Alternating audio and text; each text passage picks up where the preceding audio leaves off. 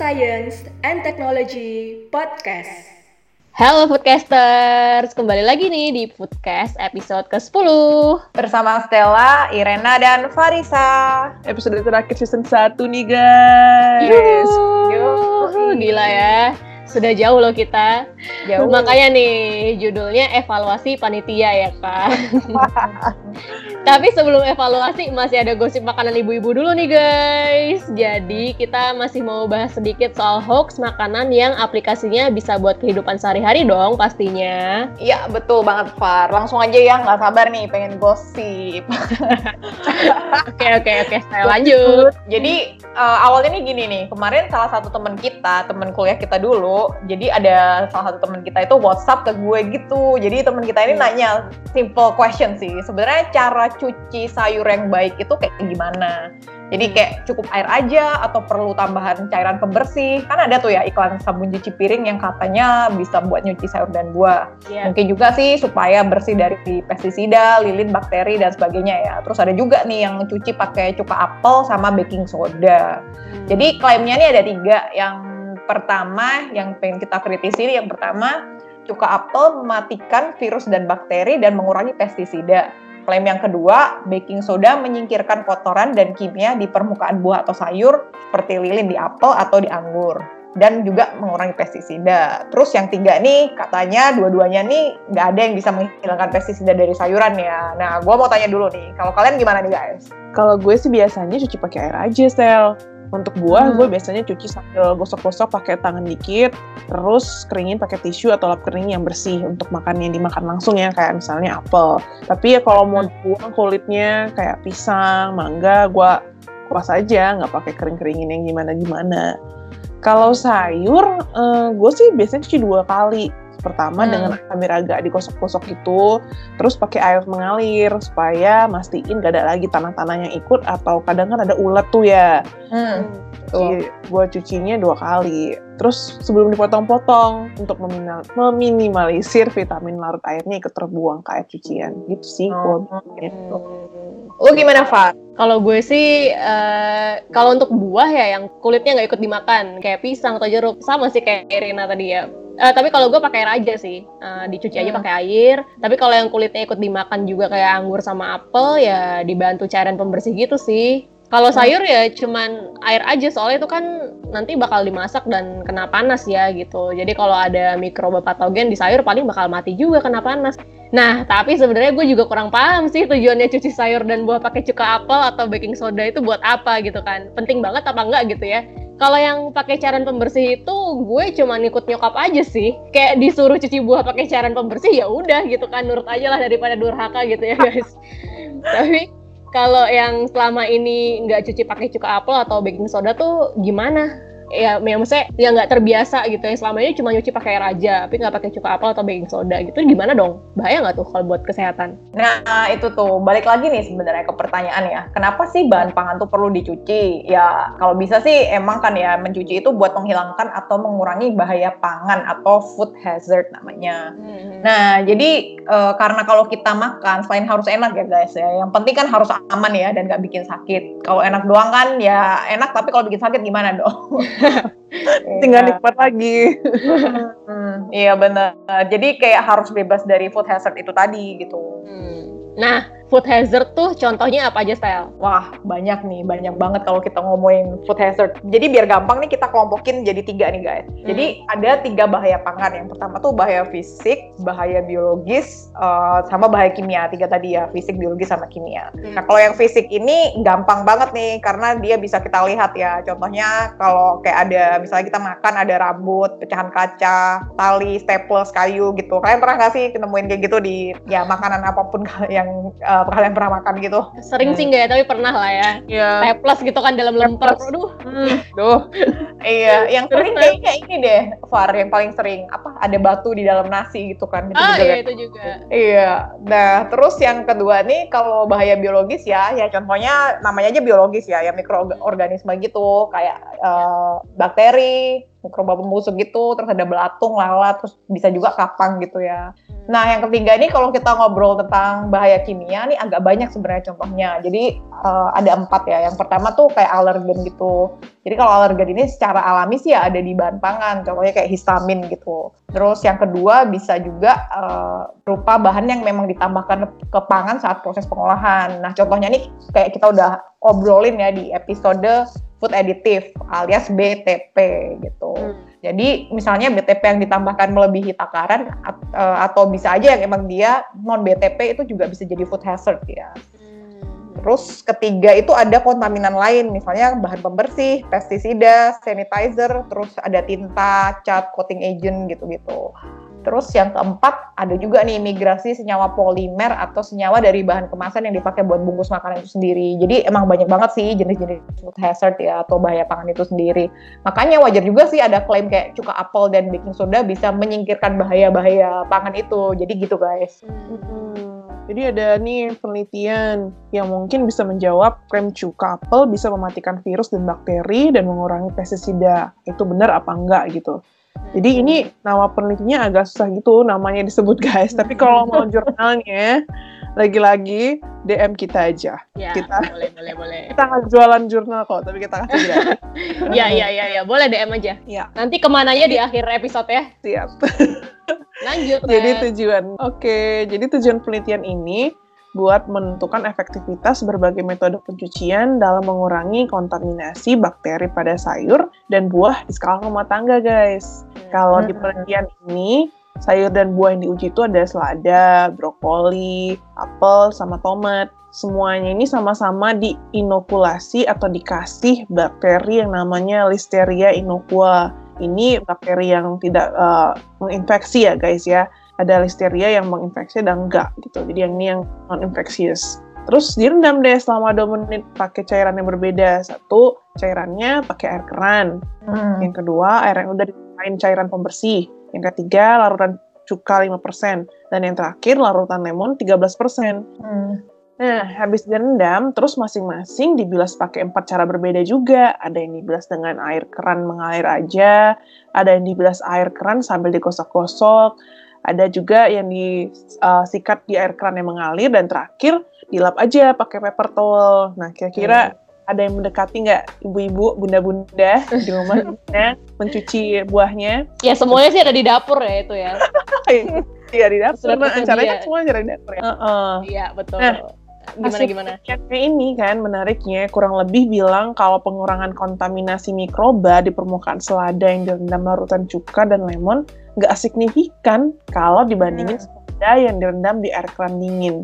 Jadi nggak signifikan ya ternyata.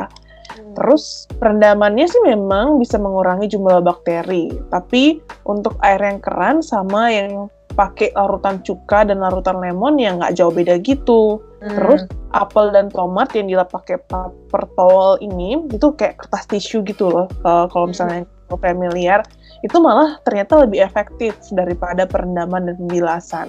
Jadi intinya kesimpulan dari penelitian ini adalah mencuci sayur dan buah dengan digosok-gosok dan disikat di air mengalir aja udah cukup.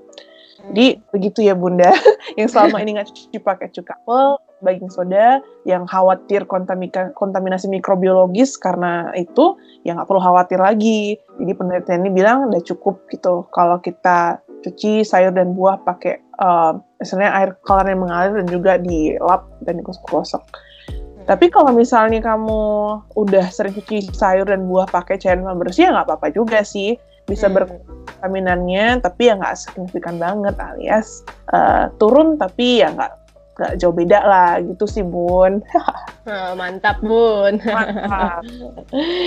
oke cuka sama cairan pembersih ya udah diceritain dulu barusan penelitiannya sama Irena gitu kan penelitiannya udah diceritain sama Irena tapi yang meneliti bukan Irena gitu ya maksudnya bukan, bukan, bukan.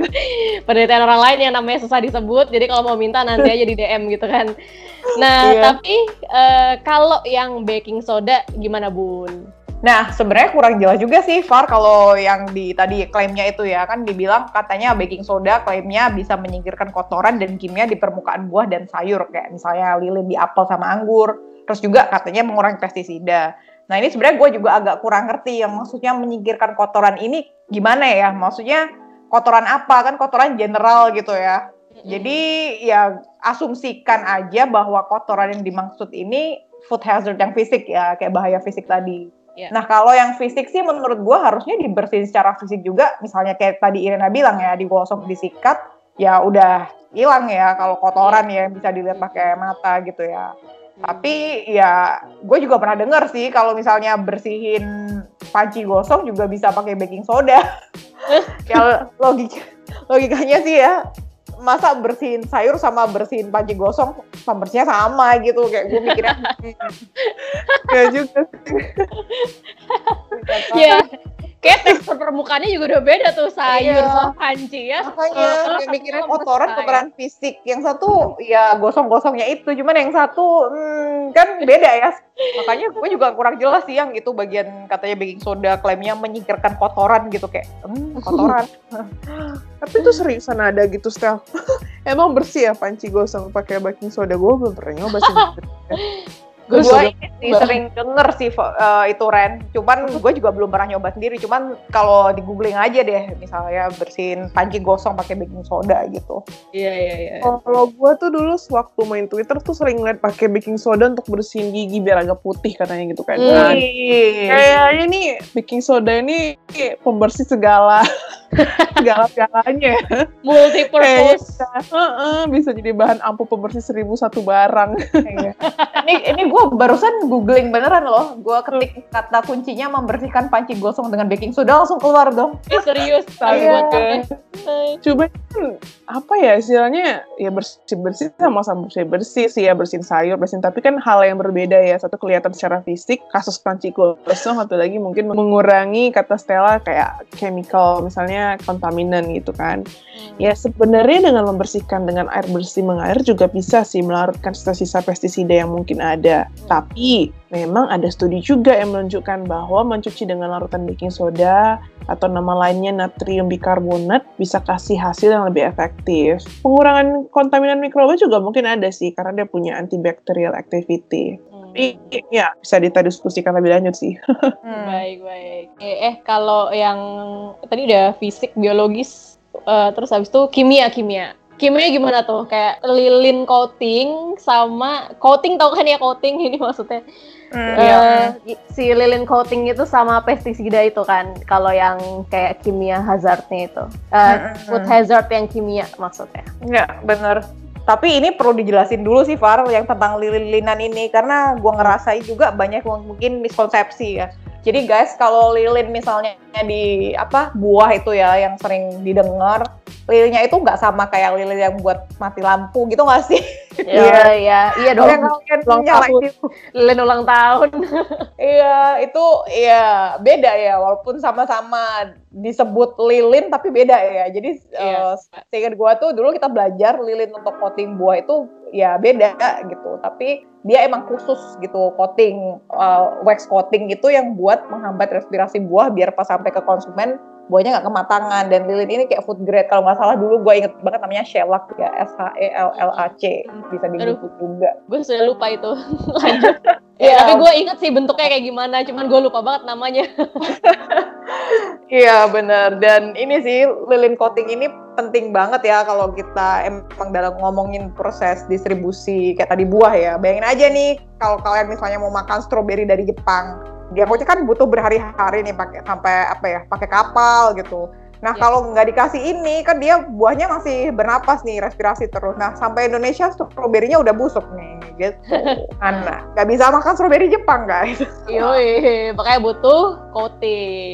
Iya dan coating. Dan ini sih Far, takaran coatingnya juga pasti udah sesuai regulasi ya yang dibolehkan kayak perusahaan agri-foodnya. Kalau kita Ya. waktu itu bahas di ini ya food additive juga kan ya, ditambahinnya tuh Hmm. pasti udah sesuai regula- regulasi gitu ya. Ya, bagi ya. tiap perusahaan ada izinnya. Karena kalau misalnya kelewat batas pasti mereka juga bakal kena sanksi ya kalau misalnya diaudit dari government gitu. Yes, yes. Mm-mm. Iya. Ini juga sih kayaknya yang masih banyak yang takut ya sama teknologi coating di makanan gitu kan. Apalagi kalau warnanya putih-putih kayak lilin gitu ya, makin Hmm. takut aja ya, Bun. Padahal ada yang namanya edible coating, jadi kayak coating yang bisa dimakan dan aman ya gitu kan. Nah, selain di buah-buahan nih, Contohnya kayak seinget gue nih ada juga sih di sosis atau uh, lo tau gak sih permen susu zaman dulu yang bungkusnya putih gambar kelinci gitu Iya. yang silingnya silingnya cuma diuntir doang ujung-ujungnya Iya, gitu kan.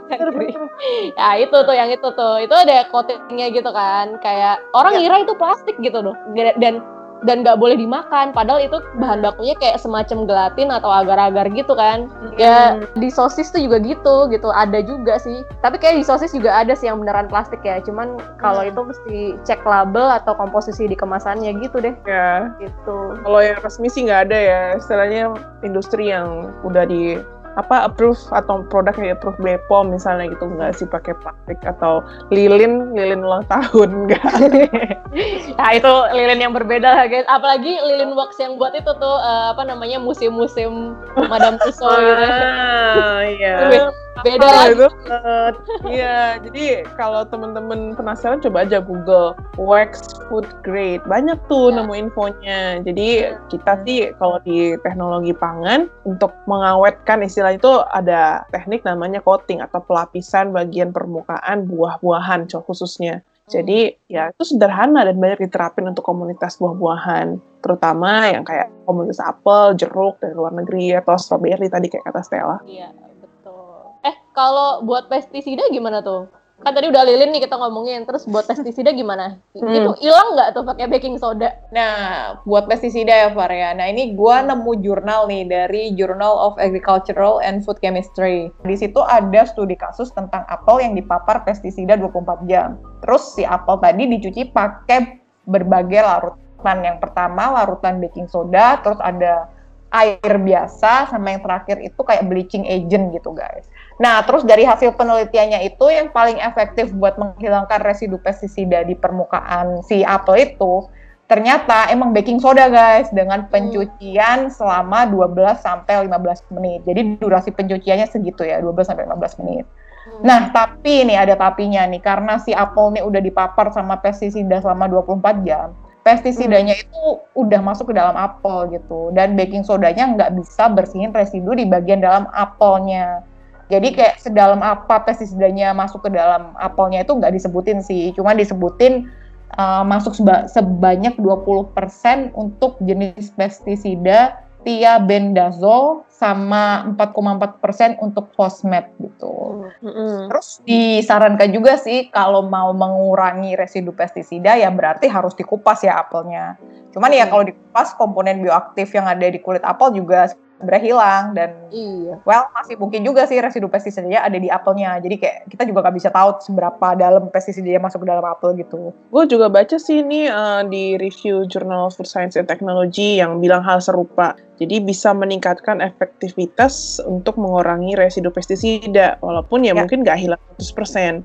Kalau kata di jurnal itu, praktek di industri itu bisa dikombin dengan metode cleaning yang lain, kayak misalnya peeling yang kayak kata saya bilang dikupas gitu kulitnya. Cuman um, ya tapi untuk sampai penetrasi ke dalam kulit, misalnya kasusnya itu kulit apel ya, gue belum nemu sih studinya mendalam apa sesignifikan itu. Terus berapa kandungan pestisida di kulit apel yang sudah dicuci dengan air biasa atau dengan larutan baking soda misalnya. Kalau gue sih pribadi sayang sih buang kulit apelnya ya, karena di situ Hmm. banyak reactive compound-nya. Iya, padahal ya bisa dimakan kulit apel. Kalau inget-inget eh, apa namanya episode yang eh, minum minuman sobat party kita ngebahas Hmm. eh, red wine ya kan, kenapa red wine bisa ada antioksidannya itu karena kulit Iya. anggur. Berarti emang kulit di bagian kulit tuh sebenarnya ya banyak bioaktifnya juga gitu kan. Hmm. Tapi sayang aja gitu kan kalau kulitnya dibuang gitu.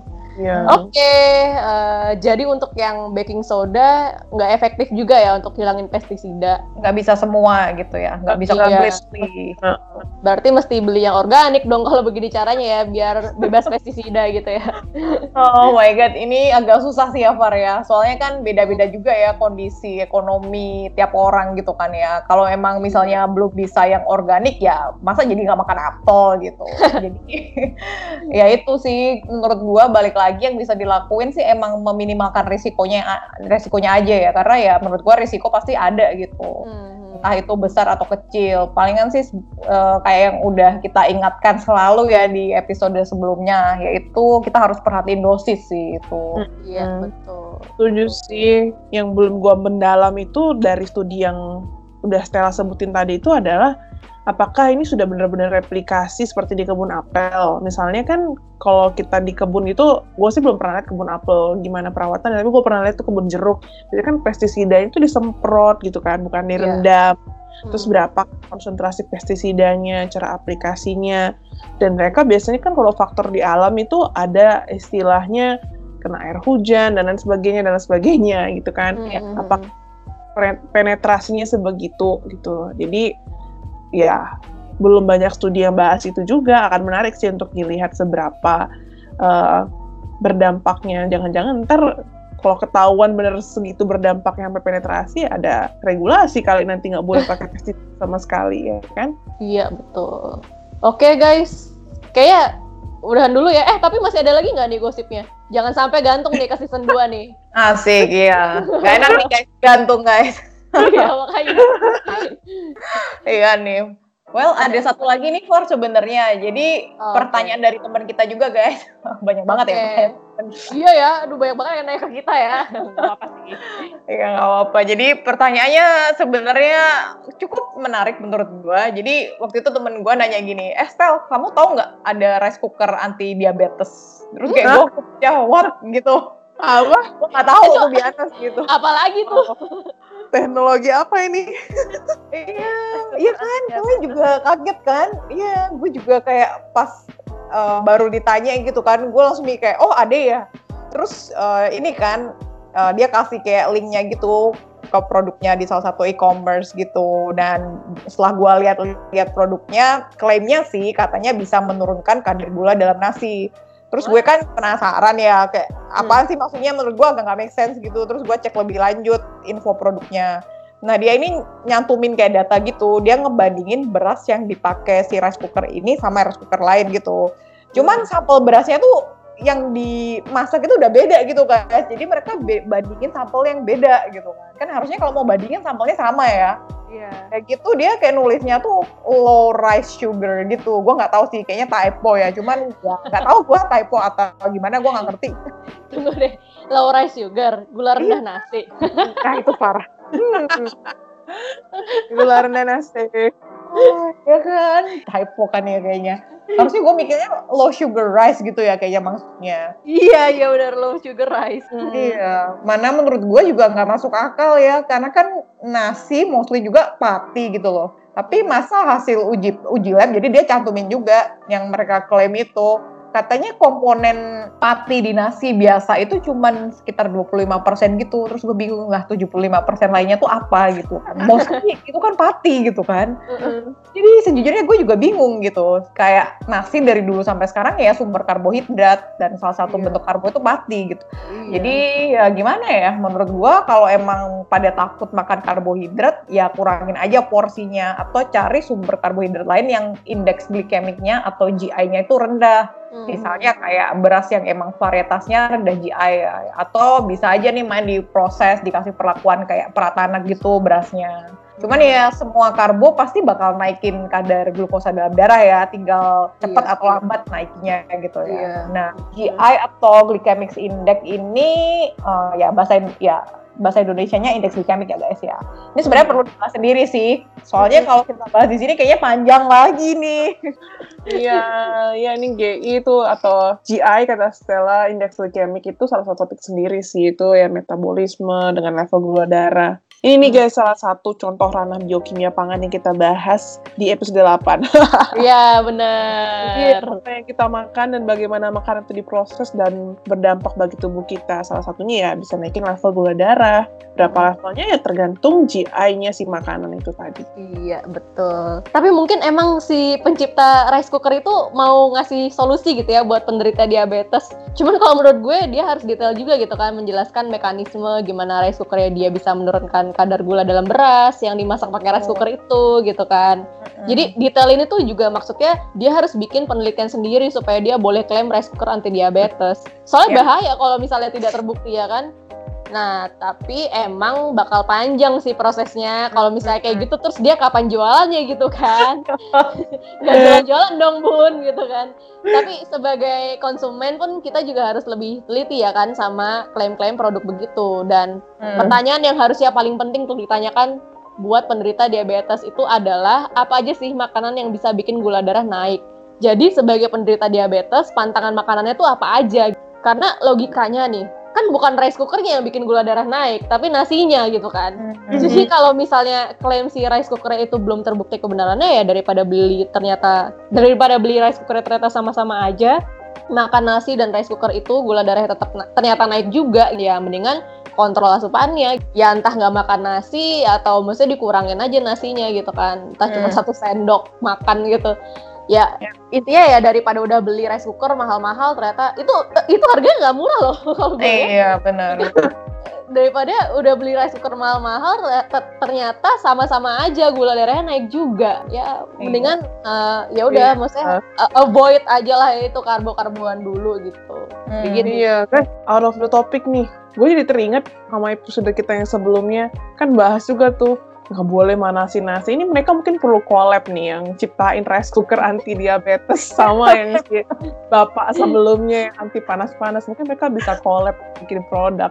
eh, iya juga ya kita kemarin bahas itu ya aduh Aduh, ada-ada aja inovasi. Iya sih, tapi kalau misalnya ya, anggap aja konsumennya ini kritis-kritis kayak kita gini, sama juga dong Far, nggak bakal kejual juga rice cookernya. ya oh iya juga. Nah, Iya juga skeptis ya. kalau penjualnya kayak kita kita gini ya eh penjualnya pembelinya.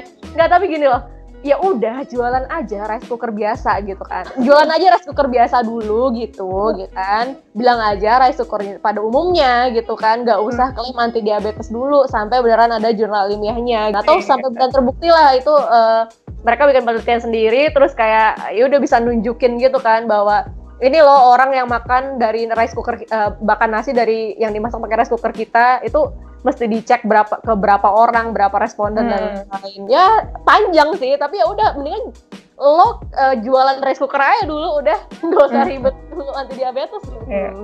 ya oke jadi gimana nih kok jadi emosi ya gue gitu Sabar bun, sabar bun. jadi gimana nih eh kasus boleh ditutup ya Iya, sip. Case close. Iya. Kalau Oke, lu terus karena terjualan rice cooker, hire gue deh untuk ini daripada Eh, eh, jadi jadi R&D ya eh, apa peneliti gitu kan kita kita nggak pakai cara itu lah nanti promosinya. aduh ya ampun Rena mau mengabdikan diri seumur hidup untuk rice cooker ya? ini kayaknya penjualnya nanti akan penjualnya kalau dengerin ini kayaknya gitu wah ribet nih ya sama sama tiga orang ini ya gitu kan untung di perusahaan kita nggak ada mereka oke oke kasus ditutup ya Iya, Oke. tutup bun. nah sekarang saatnya evaluasi panitia Wah, Siap Iya. kakak. dari Bun jadi Kak oke nggak apa-apa Iya, evaluasiin di mana nih kita? Di Korvat, di Korvat. koridor pateta. PAU aja guys. eh evaluasinya beda dong kalau ke PAU ntar jadi evaluasi sensori ya kan Aduh, praktikum dong kak. Iya. Sorry ya foodcasters, ini jokes internal keluar dikit karena kayaknya evaluasi panitia tuh kesannya kayak abis bikin acara seminar atau kepanitiaan ospek gitu kan ya. Tapi kita nggak mau evaluasi panitia beneran kok. Itu cuma judul aja untuk mengakhiri season 1 ini ya guys. Karena emang kalau abis selesai ngadain acara, himpunan gitu kan. Nah itu tuh suka ada evaluasi panitia gitu kan setelah beres-beres tempat Betul. acara. ya kan? Nah, jadi udah 10 episode nih yang udah kita keluarin. Cukup lah ya untuk jadi satu season karena kita juga udah hampir satu semester kan di sini. Iya, betul sekali. Dari Oktober nih kita mulai. Nggak kerasa loh. Kayak tepatnya kita mulai tanggal 16 Oktober 2020 ya, pas Hari Pangan Sedunia itu. Jadi udah Iya. lima bulan ya kita bersama Foodcaster. Yes, Ya, betul. betul. Dan Dari 10 episode itu kita banyak banget PR buat foodcaster ya. Dan nanti kita runut dulu mana yang kira-kira perlu dan asik buat dibahas di season 2. Jadi kita liburan semester dulu nih guys. Nah, kita juga butuh waktu nih guys buat nyusun silabus. Cielah silabus. Eh, Kayak Iren, ayah kemarin nyusun silabus juga gitu kan. ya, pokoknya ngerjain PR-PR di season 1 lah. Tapi sama kayak anak kuliah pada umumnya dong, ada libur semesteran dulu nih kita, ya kan? Hmm, Jadi eh, dua minggu ke depan nih, siapa tahu ada yang nyariin mana nih Foodcast kok nggak upload episode baru gitu kan? Tenang, tenang aja. Kita lagi libur sebulan guys, will be back soon bulan depan ya. Iya, betul. Jangan sedih guys, kalian tetap bisa kontak kita kok di Instagram at thefoodcast.id atau ke Twitter kita aja at foodcast underscore ID atau email nih ke foodcast.id at gmail.com. Kalau kalian mau ngasih ide untuk topik episode di season 2 juga boleh. Kalau mau nanya-nanya juga boleh atau mau minta jurnal-jurnal penelitian yang udah kita sebutin di tiap episode ya. Misalnya mau dengerin ulang terus oh iya jurnal ini itu mau minta ke kita juga boleh. Intinya tetap follow aja ya supaya tetap update nih kapan season 2 kita ya dimulai lagi. Terakhir nih yang selalu dilakukan kalau lagi evaluasi panitia yaitu maaf-maafan guys. Oh iya. Nah, mohon maaf ya foodcaster kalau ada informasi yang kurang lengkap, salah ngomong, atau ada pertanyaan yang belum sempat dijawab atau dibahas, atau mungkin pertanyaan jawabannya nggak sesuai ekspektasi foodcaster, kurang ini, kurang itu, ya pasti masih banyak lah kurangnya, kita juga masih belajar. Jadi nanti kita Iya. akan coba perbaiki di season 2 ya. Jadi ditunggu masukannya. Oke, dengan demikian kita bertiga pamit istirahat dulu sampai Liburan jumpa semester di ya, Far. Iya, jadi ulang diulang diulang diulang. Dengan demikian kita bertiga pamit libur semester dulu Yo, yo, sampai jumpa di episode 11 alias season 2. Nah, see you later podcasters. Iya. Oh, bye-bye. Terima kasih udah dengerin Foodcast. Semoga podcast kita bermanfaat ya. See you in the next season. Bye bye.